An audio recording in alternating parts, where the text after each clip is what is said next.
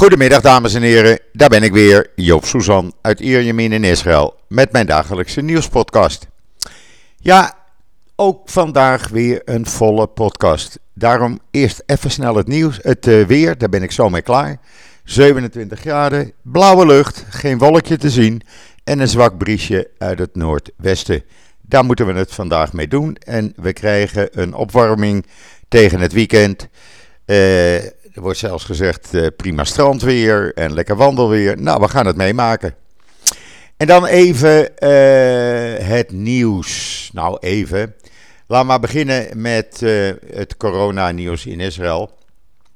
Want ja, er liggen nog maar 367 mensen in het ziekenhuis. en in totaal zijn er nog 11.439 mensen die met corona besmet zijn in het land. Dat wordt elke dag lager. En uh, ja, we raken er zo een beetje uit, uit die vierde golf. Um, van die 367 mensen in het ziekenhuis zijn er 249 ernstig ziek. En worden er 156 aangemerkt als kritiek, waarvan er 139 aan de beademing liggen. Er zijn uh, de afgelopen 24 uur 13 mensen overleden aan corona. En de teller staat nu op 8062 doden. Er zijn 3.915.254 mensen voor de derde keer gevaccineerd. Dus ook dat gaat goed. Uh, het merendeel, uh, meer dan 80% van de mensen in de ziekenhuizen, is niet gevaccineerd. En dan uh, de Israëlische virusexpert, en ik heb hem echt hoog zitten, Eran Sigal. U moet hem maar volgen op voornamelijk Twitter. Hij zegt een van de top-experts in de wereld. Die waarschuwde maandag in een interview in de Times of Israel, zoek het maar even op, dat uh, ja, uh, het, het, het, gaat niet werken op deze manier. Uh, nu er 650.000 mensen nog zijn die niet gevaccineerd willen worden. En 1,1 miljoen Israëli's moeten nog een derde vaccinatie krijgen. En hij zegt: als dat niet gaat gebeuren, ja, dan krijgen we sowieso een vijfde virusgolf. Want we komen er niet uit op die manier. Die 1,1 miljoen mensen die zijn een beetje makkelijk zo van: ach, uh, ik ben twee keer gevaccineerd, dus uh, ik ben er klaar mee. En die 650.000 mensen, ja, het is iets minder dan wat het was. Het waren er bijna een miljoen. Maar 650.000 mensen die niet gevaccineerd willen worden, nou ja, dat moet iedereen voor zichzelf weten. Maar we krijgen dan gegarandeerd over een aantal maanden weer een golf, zegt hij. Inmiddels heeft uh, uh, volgens de Israëlische kranten gaat de, de, FDA in Amerika vandaag het Pfizer-vaccin voor kinderen tussen de 5 en 11 jaar goedkeuren. Als dat gebeurt, heeft Israël al laten weten dat ze ook meteen beginnen, snel beginnen met kinderen te vaccineren. ruim 50% van de ouders heeft gezegd: wij doen dat. Wij laten onze kinderen vaccineren. 27% twijfelt nog. En de rest zegt: wij doen het niet. We zullen het gaan zien. Uh, iedereen moet dat voor zichzelf uitmaken, dacht ik zo. En dan een mooie video op israelnieuws.nl. Want Israël heeft de grens gisteren geopend voor uh, Libanese dorpelingen uit plaatsen aan de Libanese kant van de grens. Die kunnen in uh, Israëlisch, gebied, net over de grens, kunnen ze olijven plukken om hun economische situatie iets te verbeteren. Dan hebben ze meer uh, olijven. Nou, dat is hartstikke goed. Uh, positieve ontwikkeling. Kijk de video, dan ziet u hoe dat gaat. En dan de kaartverkoop voor het grote Chanukka-concert in de grote zaal van het concertgebouw is begonnen. 5 december vindt het plaats. In het artikel op uh, israelnieuws.nl staat een uh, kortingscode. Als u die gebruikt op de website van het concertgebouw, krijgt u 18% korting, behalve voor rij 4. Waarom? Vraag het mij niet, maar dat stond in het persbericht. En dan uh, uh, heeft de Israël Aircrafts Industrie een geavanceerde geo-mini-communicatiesatelliet gelanceerd. Op israelnieuws.nl kunt u de video zien. Ja, het is een heel apparaat. Weegt 700 kilo. En ja, daar kan dus mee gecommuniceerd worden door het leger tijdens oorlogen of wat dan ook. Het zweeft rond in de ruimte. Kijk de video, dan begrijpt u wat ik bedoel. En dan gisteren iets heel bijzonders. Want ja, normaal is normaal. En we hebben nou die banden met uh, de Verenigde Arabische Emiraten. En we hebben hier natuurlijk die grote luchtmachtoefening. Waar uh, uh, Israël, India, Griekenland, Amerika, Duitsland aan deelnemen, Frankrijk. Een grote luchtmachtoefening onder de naam Blue Flag. Ik hoor zo constant uh, door het luchtruim scheren al die straaljagers. En gisteren kwam er bezoek van de commandant van de luchtmacht van de Verenigde Arabische Emiraten. Die was hier, had het heel gezellig met zijn Israëlische collega. Video kunt u zien, uh, staat in het artikel op israelnieuws.nl. En zo ziet normaal er dus uit. Hij werd met alle egaars uh, ontvangen. En uh, ja, hij was goede maatjes met zijn Israëlische collega. Kan je op de video zien lachen.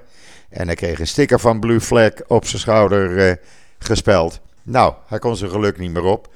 En ja, zo ziet normaal er dus uit. Wat ook gisteren werd aangekondigd. En wat u ook kunt lezen op israelnieuws.nl. De Israëlische luchtmacht, IAF, heeft aangekondigd te gaan oefenen voor een aanval op de nucleaire sites in Iran. Het kan een uh, paar maanden duren, kan tot een jaar duren. Er zijn aanvalsplannen, uh, zijn al klaar en er moeten er een aantal nog, uh, die zijn in concept. Die moeten nog uitgevoerd worden om ze definitief te maken. Maar het gaat gebeuren als Iran door blijft gaan met het traineren van de Iran-deal en door blijft gaan met het verrijken, steeds meer verrijken van uh, uranium. Israël neemt het risico niet. Je kan beter van tevoren beginnen met oefenen en de plannen goed uitwerken, als dat je afwacht en ziet wat er gebeurt. Maar de spanningen lopen langzaam op. Dat, uh, dat merk je gewoon aan alles. Uh, ook alle berichten die er eronder doen. Ja, het is geen goede ontwikkeling, laat ik het zo maar zeggen. Wat wel een goede ontwikkeling is, United Hatzalah, de eerste hulporganisatie hier in Israël, samen met MDA Mogen David Dom. Maar United Hatzalah heeft een overeenkomst getekend met het Israëlische bedrijf City Transformer. En die gaan volledige elektrische kleine autootjes gebruiken in de steden. En wat is nou het leuke van die autootjes? Die kunnen krimpen. Ja, je gelooft het niet, maar kijk de video maar na op israelnieuws.nl. Eh, als een, uh, een, uh, een steegje te, te, te smal is, dan wordt hij gewoon smaller, de auto. En moet je ergens uh, inparkeren, nou dan wordt hij hooguit een meter breed. Het is geweldig en zij hebben duizend van die autootjes besteld. Het kost 22 miljoen, zijn volledig elektrisch. En gaan ze gebruiken voor noodgevallen in steden en op plekken waar gewone auto's niet kunnen komen. Ik vind het geweldig en dat zou meer gedaan moeten worden. Wat ook geweldig is, telecommunicatiegigant AT&T, heeft een, de naam ongetwijfeld wel eens gehoord, die heeft al een R&D-centrum op Airport City vlakbij Ben Gurion Vliegveld. Maar die gaan een hele grote openen in Tel Aviv, een tweede. En ze hebben daarvoor uh, eh, 100 mensen minimaal nodig, nieuwe werknemers. Ja, het is een futuristisch gebouw, de Toha-toren in Zuid-Tel Aviv aan de Ayalon. Ik zie hem wel eens als ik daar langs rijd. Ja, het is echt heel apart. Kijk maar op de foto in het artikel. En uh, ja, zo blijft dat uitbreiden in, uh, in Tel Aviv al die kantoren en al die buitenlandse bedrijven die maar naar Israël komen, omdat ja, uh, Startup Nation nummer 1, zullen we maar zeggen. Wat ook leuk is voor Israël, ze zijn goedgekeurd om het Horizon Europe Program uh, aan deel te nemen. Dat is het grootste research en development programma van de wereld met een totaalbudget van bijna 100 miljard euro. Uh, ze hebben er een jaar, heeft Israël onderhandeld met de EU, maar het is goedgekeurd en Israël is daar nu officieel aan het eind van het jaar lid van en gaat er deel van uitmaken. Nou, ik vind dat uh, echt fantastisch. En dan is uh, ook in Israël de klimaatproblemen, ja, dat blijft niet uit het nieuws natuurlijk. Israël gaat met een hele grote delegatie naar die klimaatconferentie in Glasgow. Onder leiding van premier Bennett en twee ministers, de ministers van Energie en Milieu. 120 mensen doen daar mee. Niet alleen van de overheid, maar ook zakenlui, bedrijven, noem maar op. 120 Israëli's gaan naar die conferentie toe. Ik weet niet hoeveel er uit Nederland gaan, maar ik vind dit al veel. En er werd gekscherend gezegd: het, de delegatie is groter dan de delegatie van het Israëlische Olympisch team naar de Olympische Spelen in Tokio afgelopen zomer. Maar in ieder geval, hier is ook natuurlijk veel te doen. En de Israëlische Meteorologische Service heeft uitgerekend dat in de afgelopen 10 jaar uh, de temperatuur in Israël met 0,59 graden is gestegen. En in de laatste drie jaar met anderhalve graad is gestegen. Vandaar dat het hier nu zomer zo heet is. Ja, dat is natuurlijk niet goed. En uh, ja, het, het, het, ja, uh, men, men probeert daar oplossingen voor te vinden. Maar ja, dan zullen ze toch eerst even met alternatieven moeten komen. Zoals ze gisteren hebben aangekondigd in dat 100-stappenplan. Om uh, de milieuproblematiek in Israël, de klimaatverandering, aan te pakken. En dan zal die overschakeling naar elektrisch rijden, naar het stoppen met gebruik van kolen het overgaan op uh, zonne-energie. We hebben tenslotte 268 dagen zon hier per jaar. Windenergie. Dat zijn de alternatieven en daar moet echt mee begonnen worden. En het is toch van de gekke dat in een land waar 268 dagen per jaar de zon schijnt, uh, we nog steeds geen zonnepanelen op daken hebben. ja, particulieren doen het wel maar niet op de appartementengebouwen. En dan iets heel raars. Israël vindt het een beetje raar. Prins Charles en zijn vrouw Camilla, die komen in november naar Jordanië en Egypte. En welk land ligt er nou tussen? Dat is Israël. En daar gaan ze niet naartoe. En dat vinden ze in Israël heel raar. men vraagt zich af waarom kom je dan niet naar uh, Israël toe. Maar goed, daar is geen antwoord op gegeven. Het blijft een raar verhaal in ieder geval. En dan is vandaag bekendgemaakt dat het ministerie van Binnenlandse Zaken, onder leiding van mevrouw Ayelet Shaket, uh, die hebben aangekondigd, of zij heeft aangekondigd, dat uh, de local council van Magar, een Bedouine regio in de Negev. Die wordt de eerste officiële Bedouinenstad in Israël. Daar wonen nu 24.000 mensen. En dat gaat nu een stad heten. De stad Magar. En uh, het gaat uitbreiden naar 30.000 inwoners in de komende jaren. En doordat ze stad zijn, hebben ze recht op allerlei uh, geld en, en dingen van uh, de overheid. Ze kunnen dan infrastructuur gaan verbeteren en dat is hard nodig. Water, elektriciteit, gas, alles verbeteren. En ze krijgen dus alle voordelen die elke stad in Israël heeft. En er was er vanmorgen nog iets leuks. U kunt het zien op mijn Twitter-account. Uh, er werd hier in Israël, ja, wordt er sinds het filmpje bekend werd, behoorlijk hevig gelachen, moet ik zeggen. En ik moest ook wel even lachen hoor. Uh, Netanyahu had gisteren in de Likud-vergadering van de Likud-fractie in de Knesset een heel verhaal. En hoe populair die dan wel is, want zelfs toen ik uit de kapper, bij de kapper vandaan kwam, stond er een horde mensen op mij te wachten om mij te begroeten buiten. Nou, wat blijkt nou? Er is een filmpje gemaakt. En hij kwam inderdaad uit die kapperszaak. En er stonden drie mensen. Nou, dan lach je je toch een deuk natuurlijk. Hè? Eh, hij brengt dat officieel. Horde mensen staat op mij te wachten. Het waren er dus drie. Je kan ze op de vingers van één hand dus tellen. Nou, dat heb ik dus even gedaan. Uh, ja, en voor de rest, voor de rest uh, gaat alles in Israël zijn gangetje. De Nederlandse uh, trainer van Maccabi Tel Aviv is ontslagen, Patrick van Leven. En ja, er werd al gezegd toen ik het bekend maakte van nou, dan kan Ronald Koeman eerdaags daar aan de gang. Zou leuk zijn, want zijn broer Erwin, die traint uh, uh, Betar de andere uh, voetbal-elftal. ja, en Patrick van Leeuwen, hij heeft daar vijf jaar gewerkt, eerst als jeugdtrainer. ik geloof nog zelfs onder Jordi Cruijff, maar daar wil ik even van afwezen, maar ik denk het wel. Ja, want Jordi Cruijff is pas een paar jaar geleden weggegaan. Hij was verleden jaar december plomp verloren benoemd tot nieuwe trainer van uh, Maccabi Tel Aviv. Toen de vorige trainer eruit gebonjourd werd.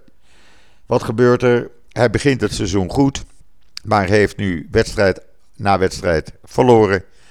En op de terugweg, ze verloren gisteravond van Ashdod, wat er ergens onderaan staat. En Maccabi Tel Aviv is toch het, ja, de meest vooraanstaande club van Israël. En om één uur afgelopen nacht kreeg eh, Patrick van Leven een telefoontje van de voorzitter. Sorry, mijn jong, je bent ontslagen. Uh, als er nog voetbaltrainers zijn uit Nederland, er is een baan vrij in Tel Aviv. Het weer is lekker, om laat ik het zomaar eens zeggen. En dan uh, meneer Abbas, die dacht, ja wacht even, Bennett uh, naar Poetin. Ho, ik ga ook naar Poetin. Hij gaat binnenkort naar Poetin toe. En voorafgaand daaraan begint hij alweer met dreigementen tegen Israël. Dat hij alle overeenkomsten met Israël wil gaan herroepen. Met andere woorden, ik ga ze opzeggen als jullie niet doen wat ik wil. Sorry, een slokje water. En waarom doet hij dat? Nou, hij moet toch wat te, eh, te zeggen hebben als hij bij uh, Poetin komt. Uh, en dat heeft allemaal te maken met de persberichten die kwamen nadat Bennett met Poetin het zo gezellig had. En daar zit meneer Abbas even mee.